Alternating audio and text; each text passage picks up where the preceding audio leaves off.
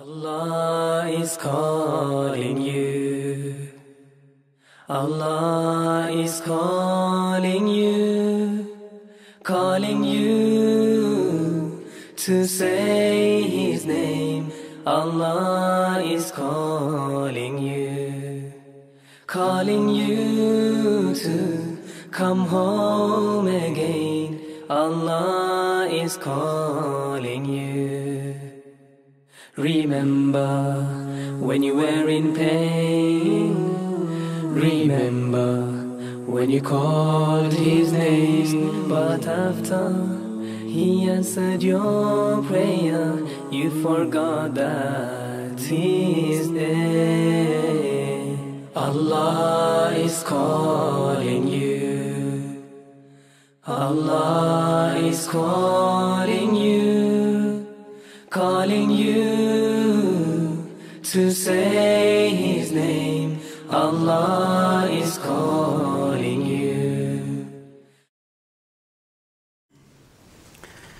أعوذ بالله من الشيطان الرجيم بسم الله الرحمن الرحيم الحمد لله رب العالمين والعاقبة للمتقين ولا عدوان إلا على الظالمين والصلاة والسلام على رسولنا محمد وعلى آله وصحبه أجمعين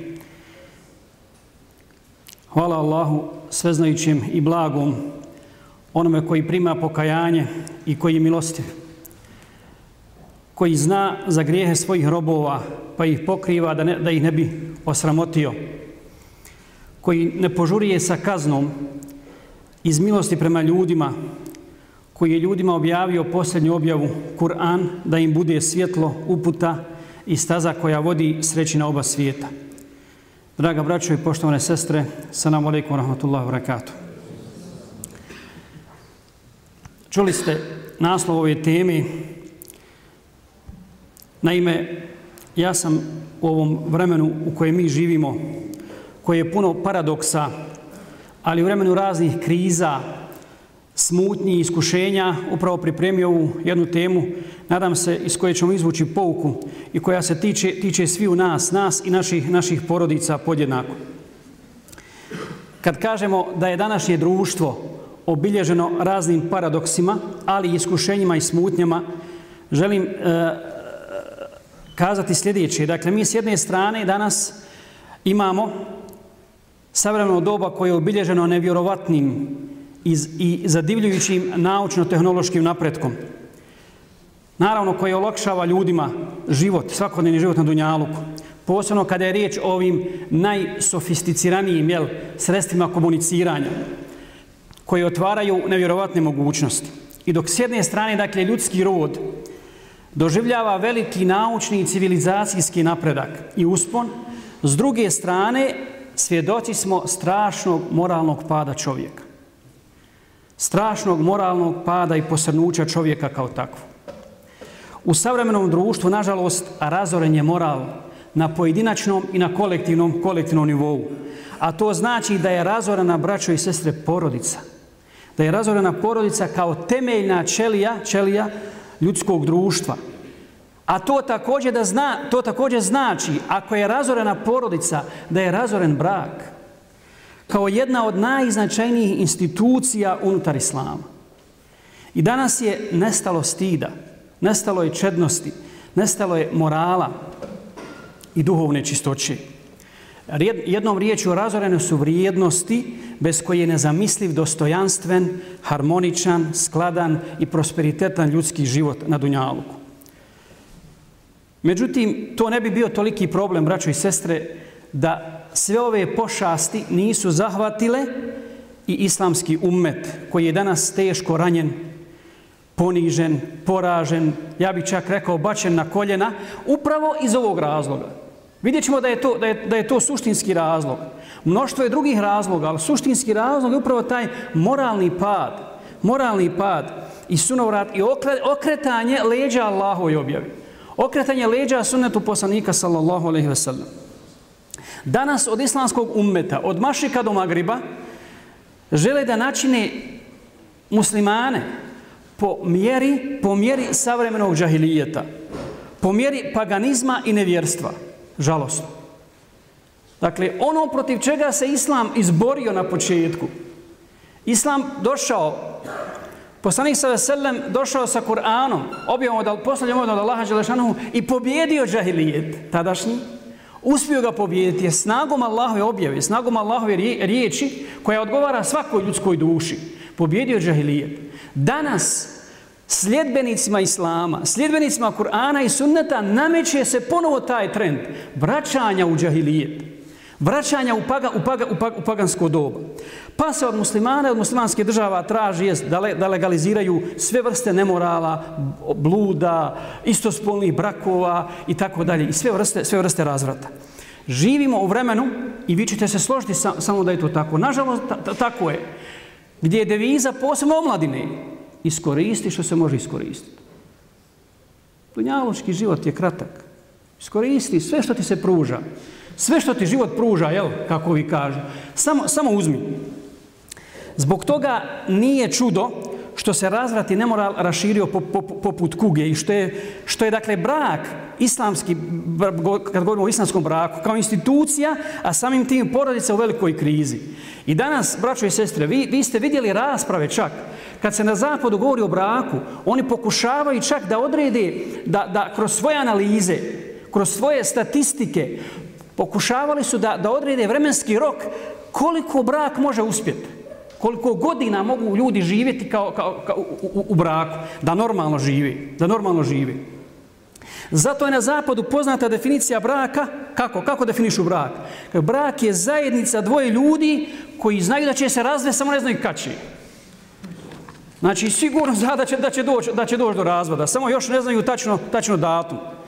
Dakle, i nije čudo onda što, što se među muslimanima, kao i među nemuslimanima, često puta dešavaju situacije, ja sam ovu, ovu priču ispričao nekoliko puta na nekim predavanjima, ali ponovit ćemo i ovdje, o, za one koji nisu slušali, govorimo o, o zapadnoj kulturi i civilizaciji.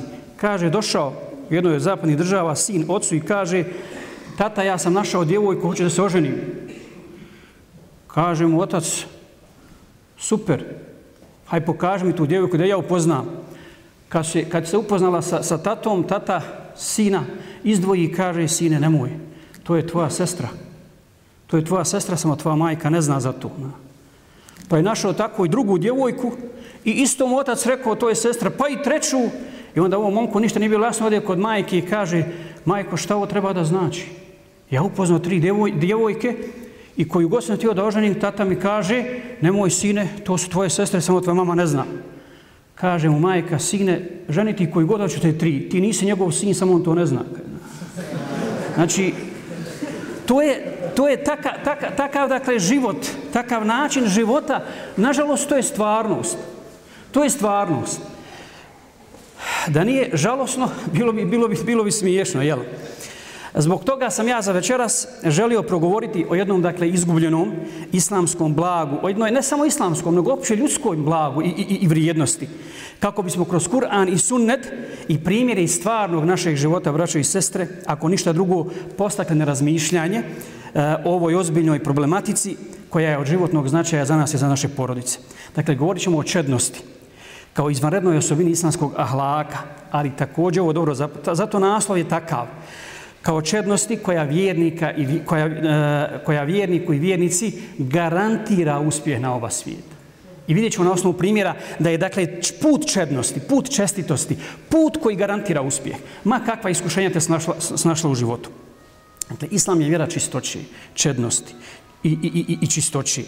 On je došao sa jasnim načelima i programom i uputom koja ljudskom rodu, dakle, koja ljudskom rodu nudi, nudi, nudi hajr.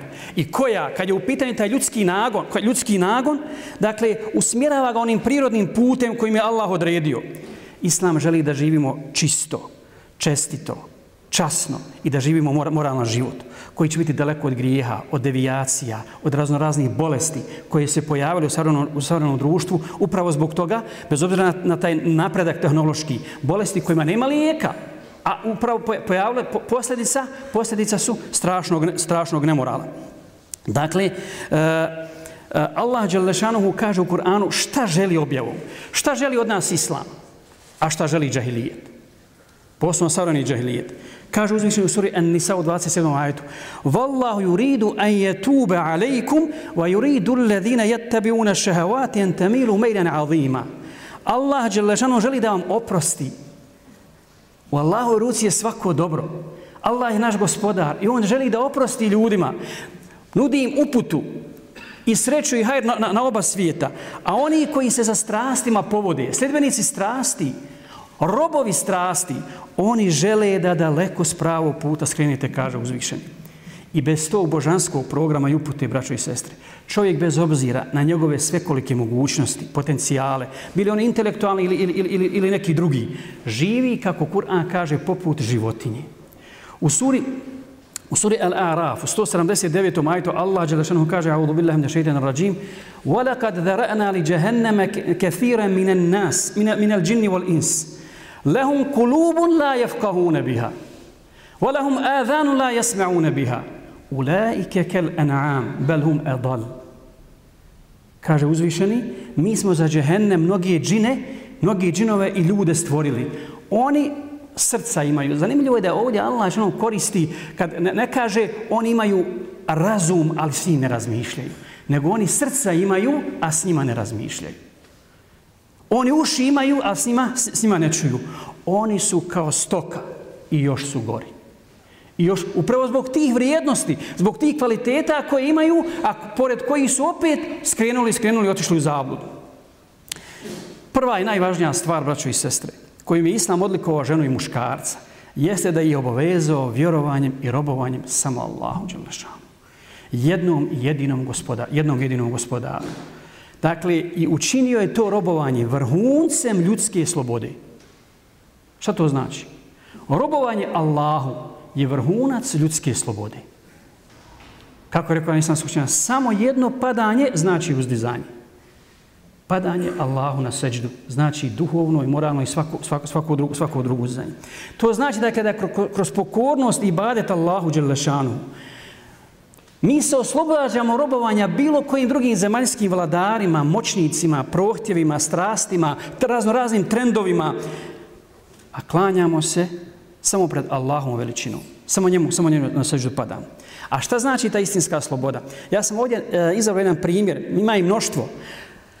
Šta istinska sloboda objasnila je svim generacijama Hind, Hind bint Utba radijallahu ta'ala anha, kada je, kada je došla, eh, kada je do, supruga Ebu Sufjana, kada je, kada je primila islam i došla da da, da, da beju u poslaniku sallallahu alaihi wasallam. I vi znate, Mi znate da je poslanik sallam uzimao beju, dakle, s muškarcima, s muškarci su rukovanjem davali poslaniku beju, a žene su samo, samo, samo riječima. I došla je Hind da da beju, a trebale su da da beju žene na što? Da neće Allahu širk činiti, da neće krasti, da neće bludničiti. Da neće bludničiti. Kada je poslanik sa sedem to tražio od Hind i kada je kazao uh, zavjetuj, zavjetuj se Hind da nećeš Allahu širk činiti, da nećeš krasti i da nećeš blud činiti, ona je morala tu upast. Šta je rekla? Allahu poslaniće, zar je moguće da slobodna žena može činiti blud? Slobodna žena. Nije robinja. Robinja, robinja, robinja su to vrijeme bilo nešto drugo. Dakle, nije, nije, nije, robinja ne raspolaže svojim životom. Ona je u vlasti svoga gospodara i on s njom može raditi što god hoće i može i prisiliti čak, čak na, na, na, na, takve, na takvo gnusno djelo. Međutim, slobodna žena, Hind, koja je tek primila islam, kaj, zar je moguće, zar je moguće pojmit da slobodna žena može zinalučiti? činiti? Nepojmljivo. Dakle, to je definicija slobode. Hind je razumjela istinsku slobodu. Onako kako bi svaka žena, a posebno vjernica, trebala da i razumije. Jer istinska sloboda, istinski slobodna, slobodnoj ženi, nedoliko je da robuje svojim strastima, niti da bude predmet, odnosno, uh, odnosno uh, komad mesa u rukama onih koji žele samo da svoj strast, strast zadovolji. Žena koja je rob svojih strasti u današnjem vremenu, Nećemo se zaklinjati, ali ja bi se mogao zaklinjati Allahom da je go, u daleko gorem položaju nego, nego, nego robinje u džahilijetu koji su morali da čini, da, da, da čini to. Dakle, ona dobrovoljno to čini. Koja čini blud iz, iz, iz zabave, jel? Zbog novca i, i, i tako dalje. Daleko je gorem položaju nego robinje koje se prodavale po, pijaca, po pijacama u, u džahilijetskom, predislamskom dobu. To ne znači, braćo i sestre, da Kur'an, da Kur'an negira strasti. Ne već ih, usmjer, već ih usmjerava, a posebno u ovom, kad govorimo u ovom kontekstu o seksualnom nagonu. Dakle, to je nagon koji je Allah stvorio kod čovjeka i objasnio kako čovjek da, da udovolji, da udovolji tom nagonu, a da ne postane njegov rob i tako skine sa sebe odjeću čestitosti, ljudskosti i istinske slobodi. Kažu islamski učenjaci, divno je to poređenje i ovo često puta sam ga spominjao, kaj strast je poput benzina, jel? Ako, se, ako ga sipaš u, rez, u rezervoar svog auta, odvešće tebe i tvoju porodicu na, na mjesto koje, ko, na, željeno, na željeno mjesto, do, do željenog cilja, jel? A ako ga sipaš gdje ne treba, uništit će i tebe tvoju porodicu i auto, jel? Zapalit će se sve i sve će, sve će izgorjeti. Govoreći o temeljima grijeha, Ibn Qajim al-đevzi je rekao, kaj tri su temelja grijeha. Znači, tri su temelja grijeha. Vezivanje srca za nekog drugog mimo Allaha Đalešanuhu, pokornost snazi srđbe, dakle, čovjek ne može da odoli u, u srđbi, da, da, zatim, i pokor, ne može se oduprijeti srđbi, i pokornost snazi strasti. Vezivanje za nešto drugo mimo Allaha, kaže Lukajim, znači širka Allahu Đelešanu. A zar poslije toga uopće možemo govoriti o nekim drugim grijesima? Na to širke je najveći, najveći grije. Ko, ko njega počini, počini svaki drugi grije. Zatim, posljedica pokornosti srđbi je ubijanje i prolivanje nevine krvi. A posljedica pokornosti strastima je činjenje zinaloga. Na to aludira kuranski ajet iz sure Furkan 68-69. وَالَّذِينَ لَا يَدْعُونَ مَا اللَّهِ إِلَهًا آخَرُ Oni koji ne dozivaju drugog Boga, koji se ne klanjaju drugom Bogu osim Allahu Đalešanuhu. وَلَا يَقْتُلُونَ النَّفْسَ الَّتِي حَرَّمَ اللَّهُ إِلَّا بِالْحَقِّ Koji ne ubijaju ljude, koji ne prolijevaju nedužnu krv, ljudsku osim, osim, osim s pravom. wala yaznun i koji ne bludniče. Kako mu kaže Lebđozi iz ovog ajeta izvuko šta su, šta su temelji, šta su temelji, šta su temelji grija. Žalosno je, ali istinito da je u savremenom društvima e, čednost, uglavnom, ja bih rekao, zaklana poput kurbana. Čednost je zaklana i žrtvovana najblisom i žrtvenicima, braćo i sestre. U slavu pohote, bluda, razvrata, rušenja porodice, sijanja smutnje, u slavu božanstva koje se zove strast. A Kur'an kaže, teško onome koji svoj strast za svoga Boga uzeo. Poslanik sallallahu alejhi kada je upitan šta će ljude najviše uvesti u džennet, šta je rekao? Kako je odgovorio? Bogobojaznost ili lijep ahlak. to ljude najviše određuje. Bogobojaznost je vrhunac vjere. Ko, ima bogoboj, ko je bogobojazan, on je kod sebe sakupio sve vrline, sve vrline islama.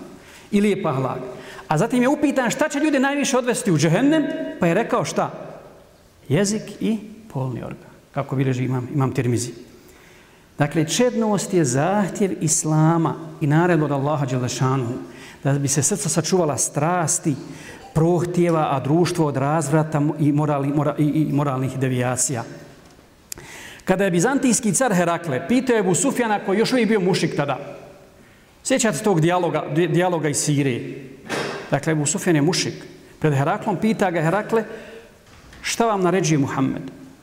Sallallahu alaihi sallam. Kaže, naređuje nam namaz, naređuje nam sadaku, naređuje nam čednost. Čednost. Ispunjavanje ugovora i čuvanje emaneta. Čuvanje emaneta.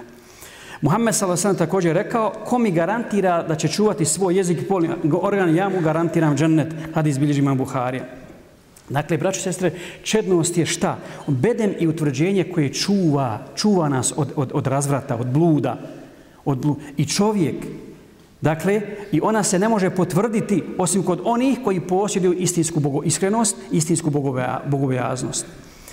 E, jer ostavljanje bluda, braćo i sestre, ostavljanje bluda bolje je nego kajanje zbog bluda, jel? Zato Allah što kaže وَلَا تَقْرَبُ zina innehu kana fahishatan wa sa'a Ne približavajte se bludu. Ne približavajte se bludu. Danas je oko nas takav ambijent i toliko su strasti puštene sa lanca bez kontrole da bi prizori na ulicama, na javnim mjestima, u školama, na fakultetima i tako dalje, kamen pokrenule, kamo čovjek otkrivio od mesa. Je to istina ili nije? Kako se danas žene oblači i kako se izazovno nosi. Dakle, kamen bi se probudio, a kamoli i strast, strast u, u čovjeku. Da smo čestiti kao Jusuf, ali i selam. Bio bi to veliki izazov za nas u, dana, u, u, u, u današnjem vremenu, da se, sačuva, da se sačuvamo od ove fitne. Dakle, danas mi, naša djeca, na mobitelu, na mobitelu običnom možemo vidjeti od jednom, u jednom trenutku što naši, što naši stari nisu mogli vidjeti za, za, za, za čitav svoj život, za 80 godina, za 70 godina. Nikada nisu imali priliku da budu izloženi takvoj fitni takvom, i, ta, i takvom razvratu. E, I to je iskušenje, dakle, koje je vrlo teško danas. Posebno je teško omladini i teško se očuvati, teško biti budan, teško ostati na toj stazi ako nema bogobojaznosti, ako čovjek nisme prema Allahu Đalešanuhu. Zbog toga večera se želimo, braću, se spomenuti i salama, kojega Kur'an spominje kao uzor i simbol čednosti. Jusuf je živi praktični primjer čednosti. Zato ga Allah spominje u Kur'anu. Nije bez razloga, nije su to samo priče onako, da se prisjetimo sire Allah, Allahu i poslanika. Dakle, Jusuf a.s. je bio mlad, lijep i neoženjen. On je došao u društvo, između ostalog zbog toga hoćemo da, da, da govorimo.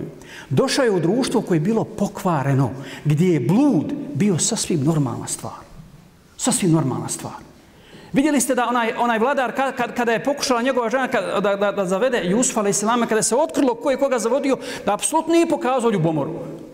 Nije uopće pokazao ljubomoru prema tome. Još je saznao da je njegova žena njega zavodila. Nije ni posumnio ili ona to učinila ili nije učinila. Dakle, došao je u takvo društvo, on kao pojedinac, i susteže se od tog grijeha. Jedan čovjek u pokvarenom društvu. Znate li koja je to veličina? I znate li, omladino, koja je veličina danas u ovakvom društvu, u ovakvom društvu u kojem caruje nemoral, živjeti čedno i čestito. I kakva nagrada kod Allaha čeka tak, tak, tak mladi, mladi, mladić, mladići i djevojke. To je zaista velika stvar. Onaj ko to postigne, zaista je Allah Đelešanuhu voli takve, takve ljude. To je dokaz da ga Allah voli, da mu Allah, da mu, da mu, da mu Allah želi dobro. Allah Đelešanuhu je sačuvao Jusufa. Zašto? Upravo zbog njegove iskrenosti i vjerovanja, u vjerovanju i bogobojaznosti. كَذَلِكَ li عَنْهُ anhu su. To je zbog toga kako bi odvratili od njega izdajstvo, izdaj, taj grijeh i blud. Zašto? Innehu min ibadina al muhlasin. On je zaista bio naš iskreni rob. Jusuf je zaista bio iskren rob. Kažu da je vladarava žena tada kada ga ne odla na grijeh imala u svojoj sobi kipa. Bila je idolopoklonik. I kad uzela jedan čaršaf da ga pokrije, Pa Jusuf je sam pita što to radiš? Pa kaj da me ne vidi moj, moj, moje božanstvo. Stidim, stidim, se, stidim se njega. Kaj Jusuf je sam pa preće da se ja stidim Allaha, preće da se ja stidim Allaha Đelešanu. Dakle, i njegova nevinost i čednost potvrđena je čak i od strane koga? Od strane Iblisa. Iblis je potvrdio čednost i, i, Jusuf a.s. Kako? Kada je rekao u suri, eh, suri Hidž, Allah spominje riječi Iblisa, kada je Allah što protirao iz, iz, istirao iz dženneta, udalio ga od svoje milosti, Kale rabbi bima agvajteni, le uzajinenne lehum fi dunija, wala ugvijennahum ajma'in kaže, rekao Ibn gospodar moj, reče, zato što si me u zabludi ostavio, odnosno zabludi, ja ću njima na zemlji poroke lijepim predstaviti i, pri, i, pri, i prikazati. I svi ću ih odvesti u zabludu. Ali onda dolazi istitna, izuz, izuzimanje. Illa ibadaka minhumul muhlasin. Osim tvojih iskrenih robova. Jusuf je sam svojim poslom je pokazao da je pokazao da je iskren i to potvrđuje to potvrđuje Iblis. Braćo i sestre, što što im hoćemo da kažemo takođe? Moramo imati na umu ovdje, na osnovu ovoga ajeta, da Iblis nema vlasti nad iskrenim vjernicima i vjernicama. Ovo je dokaz. Ovo je dokaz. Nema vlasti na, i nikako Iblis na čovjeku. Ali iskrenost njega poražava. On može po, polomiti sve svoje zube, svo oružje upotrijebiti, iskoristiti, ali vjernika i vjernicu ne može zavesti ako su iskreni prema Allahu Đelešanu, jer i Allah, čuva, Allah je obećao da će čuvati iskrene, iskrene, iskrene vjerni od zabude. Dakle, daleko bi nas odvelo kad bi nabrajali sve štete bluda i nemorala. Nije nam to sad cilj večeras. Uh, već nam je cilj dakle, da, da stavimo naglasak na, čed, na čednost i njenu, i njenu vrijednost. Zato ćemo samo spomenuti neke od šteta, od šteta zin, zinalka. Dakle, putevi bluda, nemorala i razvrata su olakšani, oni su mnogobrojni. Ali su zato štete i belaji veliki. Prvo, onaj ko tim putem ide, on živi teškim nemirnim životom, tegobnim životom. On je tužan, nemiran, e, depresivan, tjeskoban. Kogo čini taj grije? Kogo čini taj grije? Allah stvorio čovjeka, zna šta mu treba. Njegova duša se buni protiv tog grijeha, makar ne slijedi, makar ne slijedi uputu. Makar ne slijedi uputu nisi zadovoljan s tim što činiš. Iako ti se na prvi pogled čini to, čini to zavodljivo, zavodljivo, zavodljivo lijepo. Dakle, e, za, zatim čovjek pada, moralno pada, postaje rob svojih strasti. Zato Allah kaže suri Taha, وَمَنْ اَعْرَدَنْ fa inna lahu ma'ishatan danka." Ona je kokrene glavu od knjige moj, taj će teškim životom živjeti. Zaista je teguban život, dank, tjeskoba, kod onih koji, koji žive takvim životom, koji, koji žive nemoralnim životom.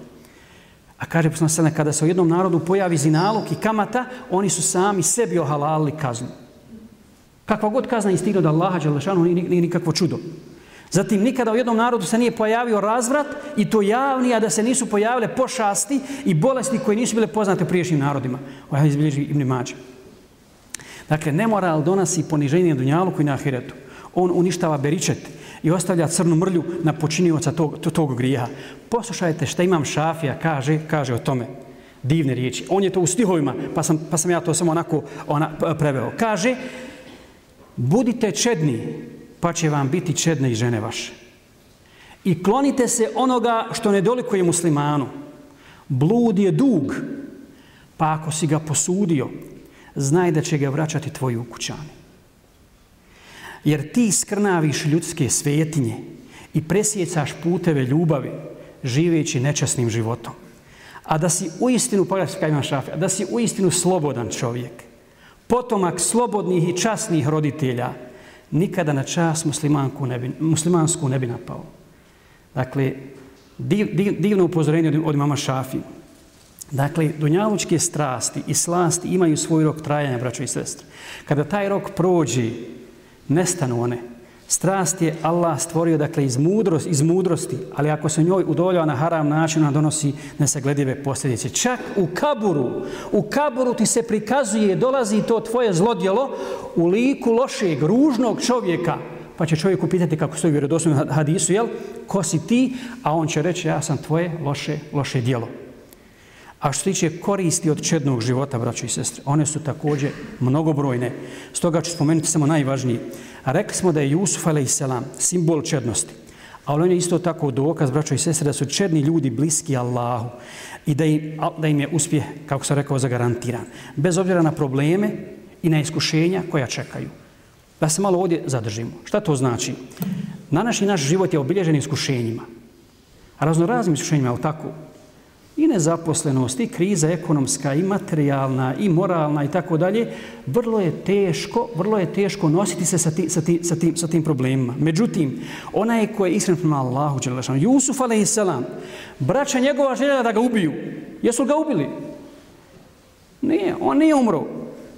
Željeli su da izbrišu svaki trag o njemu, ali on je postao slavan posle, posle toga. Oni su mislili da su, da su završili sa njim čednost, iskre, iskre, iskre, iskrenost. Prodat je kao roblje, ali je postao vladar. Jel? Pos, posle toga. Željeli su dakle da izbrišu ljubav iz srca svoga oca Jakuba prema Jusufu. Ona se još više povećala. Ona se samo povećala. Zato, brati i sestre, ne očajavaj zbog ljudskih postupaka, tumačenja, zavidnosti, spletkarenja, e, ogovaranja, želja i, i, i tako dalje, jer Allahova volja je iznad ljudskih volja.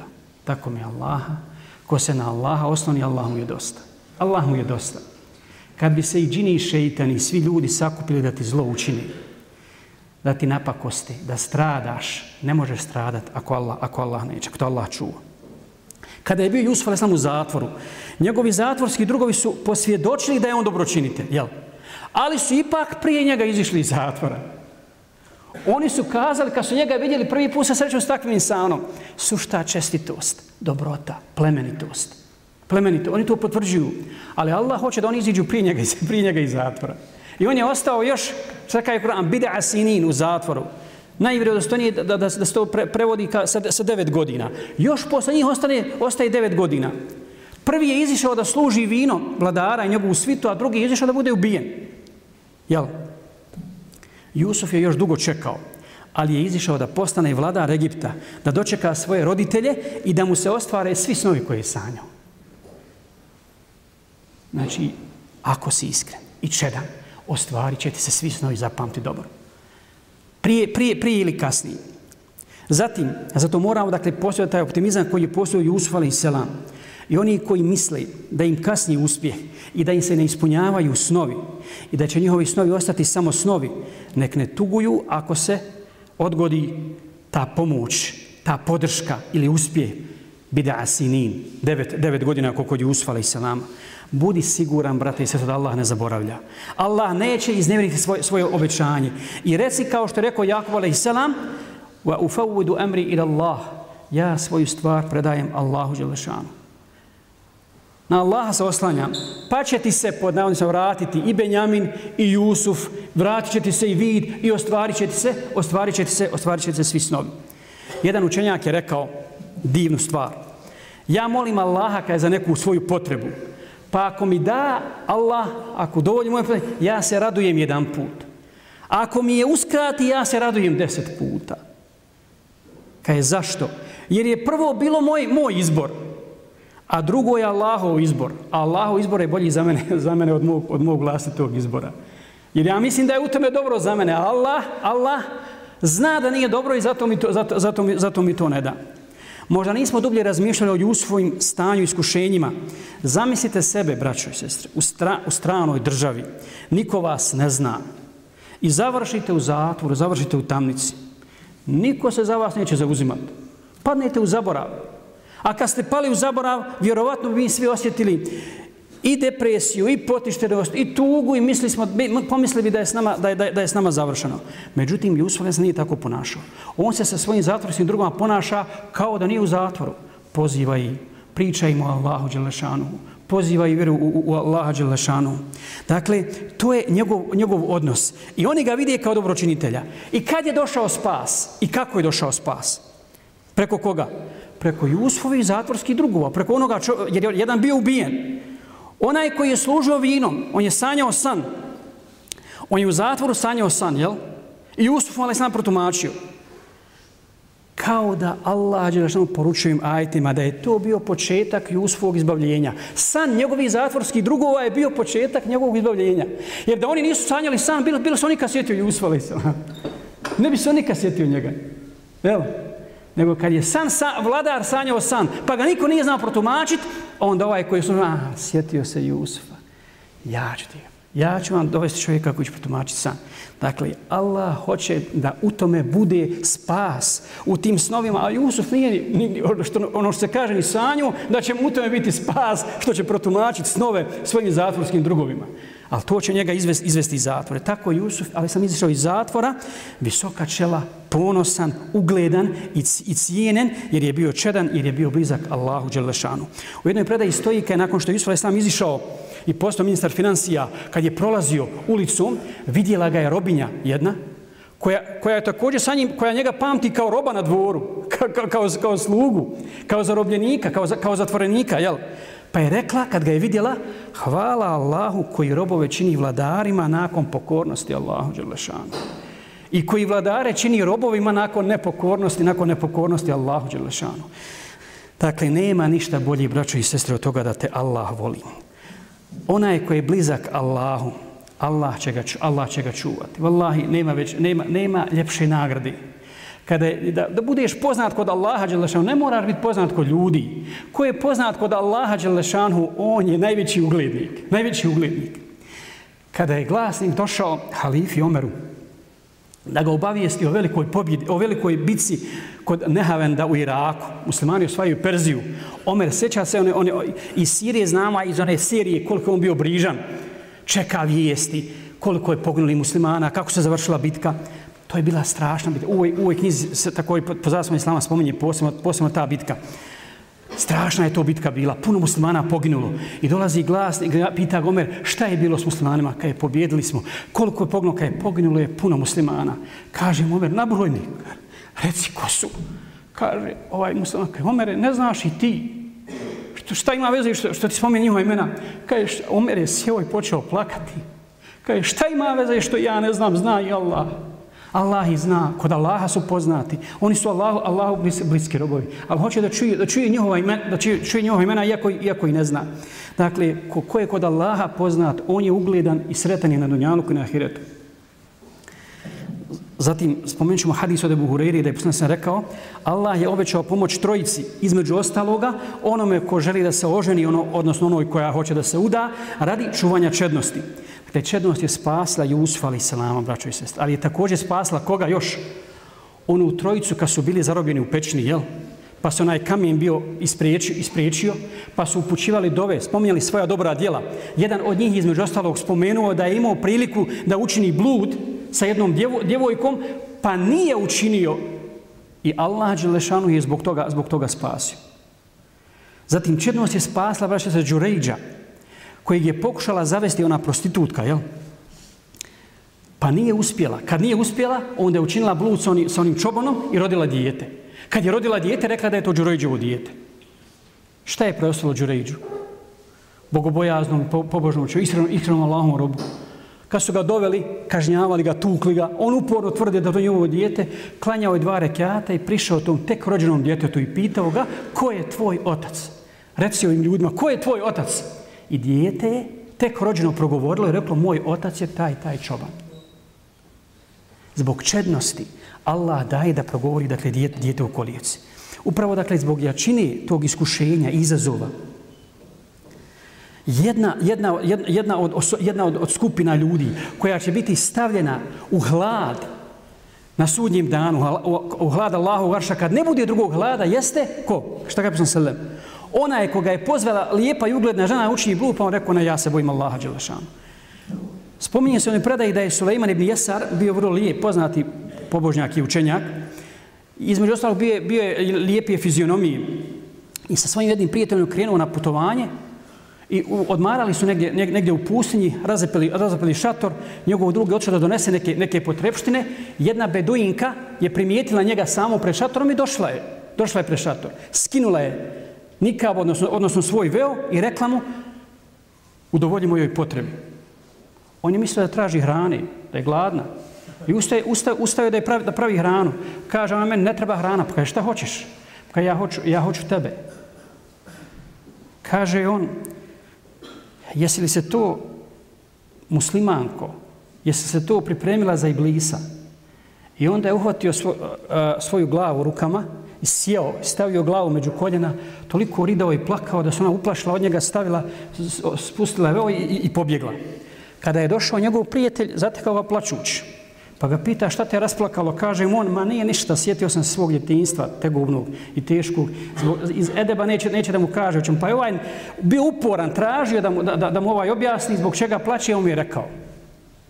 Nakon toga, kad su sjeli, zamislite, zamislite dakle, onaj, to, on plaće što mu se ponudila, jel? Dje, lijepa djevojka, a on je, on je odbio. Današnja omladna plaće, jel, kad ima tu priliku, pa propusti, pa propusti priliku, jel? Ukaže mu se prilika, pa, pa, pa je ne iskoristi, jel?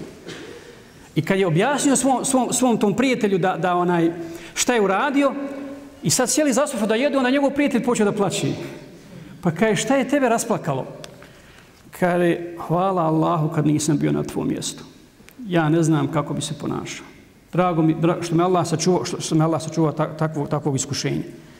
Ili u predaji gdje se spominje da je mladić se kajan zaljubio jednu djevojku i oni se dogovorili da se nađu na jednom usamljenom mjestu i kad su, kad su se osamili, on je, on je nju poželio, htio da, da, da, da, da učinje blud, kaže mu ona, znaš šta, pristala bi ona na to, vole se, kaj moj eđel nije u mojoj ruci, kao što ni tvoj eđel nije u tvojoj ruci.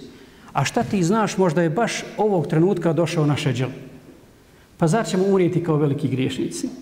kaže ovaj mladić, koji je također bio pobožan i bogobojazan, ali šeitan je pokušao navesti na grije, kaj u pravu se. I nisu to počinili. Kasnije se uzeli, vjenčali i živjeli umjesto jednog um, um, kratkog trenutka i nekakvog užitka, živjeli, živjeli kao, kao, kao, brač, kao bračni drugovi u hajru, u sreći izrodili svoje potomstvo.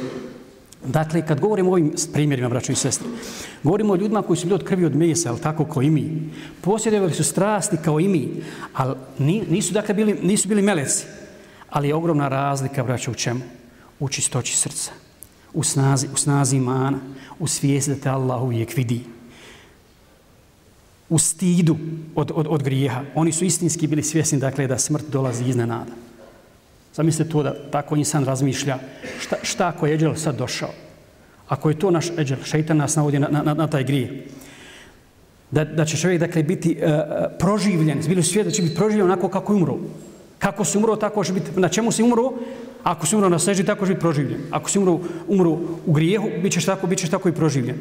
Bili su svjesni i ubijeđeni u džehennem i njegove strahote i patnje bježali su od te kazne. Bili su svjesni i ubijeđeni u džennet i trudili se da steknu tu nagradu. Drugo, njihove, kaže poslana sallam, kakva je nagrada za, za, za čednost? Tri njihove oči, dakle, neće vatra, vatra vidjeti. Zamislite, braću sestri, to. Njihove ljudi, vjernika i vjernice koji su bili moralni, čestiti, vatra neće vidjeti. Oči njihove neće vidjeti vatru. Poslana sallam kaže, oči trojice ljudi neće vidjeti vatru.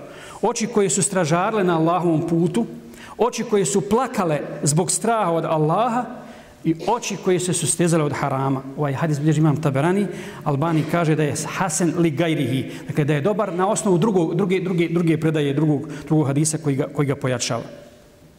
Treće, braće se, ući će u džennet. Poslanik sam sam rekao, o omladino Kurejša, čuvajte sva stidna mjesta, čuvajte svoje polne organe, činite zinaluk, jer onaj ko čuva svoje stidno mjesto ući će, ući će u džennet. Također ovaj hadis bilježi, bilježi hakim. Uh, Zatim, nagrada takvima su dva dženneta. Dva džennetska periva. Šta kaže Allah šanu?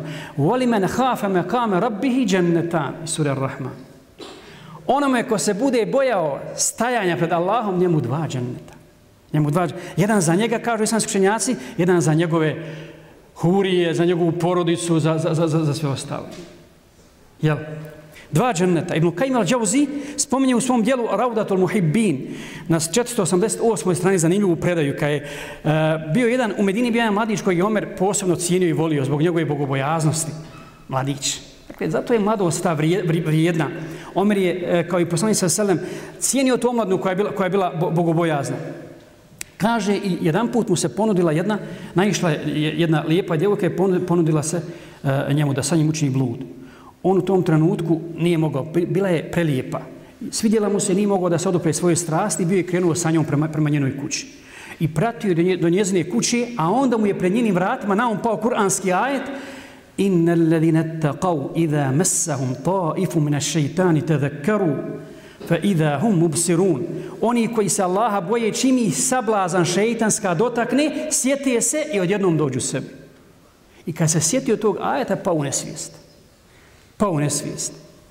Onda ta djevojka se prepala, onda zovnula svoju slušnju robinju i nekako su ga probudili i odveli ga do, do, do vrata njegove kuće i nisu smjeli da, da, da kucaju na vrata, one su pobjegli. On je ušao u kuću kad ga je otac vidio, onako blijedog, blijedog, iz nemoglog pita sine, šta ti, šta ti se desilo? On nije odmah htio da kaže, oto šta mu se desilo, ali otac insistirao i onda mu je sve ispričao i kada je ponovo citirao ovaj koranski ajet, umro. Nakon toga, kad smo klanjali dženazu, došli ljudi kod Omera i pričali o, o njemu da smo na dženazi. Kao Omer, subhala, što me niste zovali na njegovu dženazu? Što me niste rekli da je um? Onda Omer sam otišao na, njegov, na njegovu kabur i kad je došao na njegovu kabur, pa nakon što ga je poselamio, proučio kuranske ovaj ajete, voli mene hafa me kame rabbihi džennetan. Onaj ko se bude bojao Allaha, njemu dva dženneta. A onda je čuo odgovor iz kabura, Omere, Allah mi je to već dao. Već sam to, već sam to ostvario i dobio. Malik ibn Dinar kaže Džennetu Naim se nalazi između Firdausa i Dženneti Adna. U njemu su ljepotice stvorene od svjetova i ruža dženneskih. A, a nastanjivaće taj džennet oni koji su poželjeli učiniti grije pa ga ostavili zbog straha od Allaha. Đelešanu. Duša navodi čovjeka, čovjeka na grije stalno. Ali zbog straha od Allaha ostavio, ta, ostavio taj grije. A koliko se ashabi bojali, bojali grije, koliko se iskreni vjernici bojali toga, svjedoči i slučaju Bad ibn Samita radi Allah. Poznati ashab, jel? Poslanika sallam, koji je doživio duboku starost. Pa kaže, zar ne vidite da ja ne mogu ustati bez pomoći drugih ljudi? Niti mogu jesti osim ono što je mehko i što mi se, što mi se udrobi. Nema ni jednog zuba. I moj seksualni nagon je potpuno umro no i pored toga ne bih poželio da, os, da se osamim sa ženom koja mi nije dozvoljena, pa makar mi dali sve, sa, kompletan dunjaluk. Bojeći se da šeita ne dođe i da ne respiri moju strast, jer strast je i gluha i slijepa. E, A koji je doživio duboku starost. A zato moramo, braćo, se razmišljati o trenutku susreta i stajanja pred Allahom Đelešanuhom. I Allah hvali one koji u samoći razmišljaju o tome. Ne pred ljudima koji sa, kad su sami razmišljaju o stajanju pred Allahom Đelešanu i sure El Mulk. Vjerojatno mnogi od nas znaju, znaju tu suru El Tebare Kelledi. Inne ledine jahšavna rabbehum bil gajbi lahum magfiratum ođun kebi. Dakle, oni, onima koji se gospodara svoga boje kad su u osami i kad i ne vidi niko, oprost i nagrada, nagrada velika. Ne vide ih ljudi, ali se sjeti Allaha Đelešanu. Allah je vidi. Upravo je on, to ono što je Jusuf a.s. učinio i što je njega učinilo postoja, postojanim kada ga je ona žena navodila na grije. Zato, braćo i sestre, trebamo uvijek imati na umu da je Dunjaluk san, a da je smrt buđenje. Dunjaluk, čiji život je san, a smrt je buđenje. Sudnji dan će biti mjesto gdje će se protumačiti svi snovi. Put je težak i dug, zato se pripremimo za to, za to putovanje. Molim Allaha Đelešanu da pokrije naše sramote, da nas sačuva nas i našu djecu, našu omladinu, mladiće i djevojke od bluda i puteva koji ima vode. Nas uputi na ono što, voli, što vodi njegovom zadovoljstvu. Molim Allaha Đelešanu da dok smo živi koračamo Jusufom stazom čednosti i uspjeha. Amin.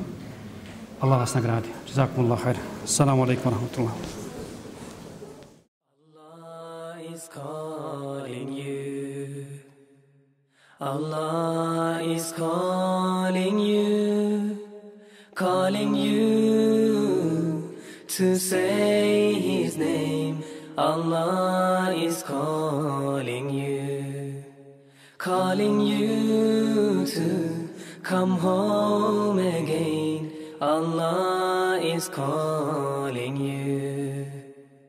Remember when you were in pain. Remember when you called his name. But after he answered your prayer, you forgot that he's there. Allah is calling you.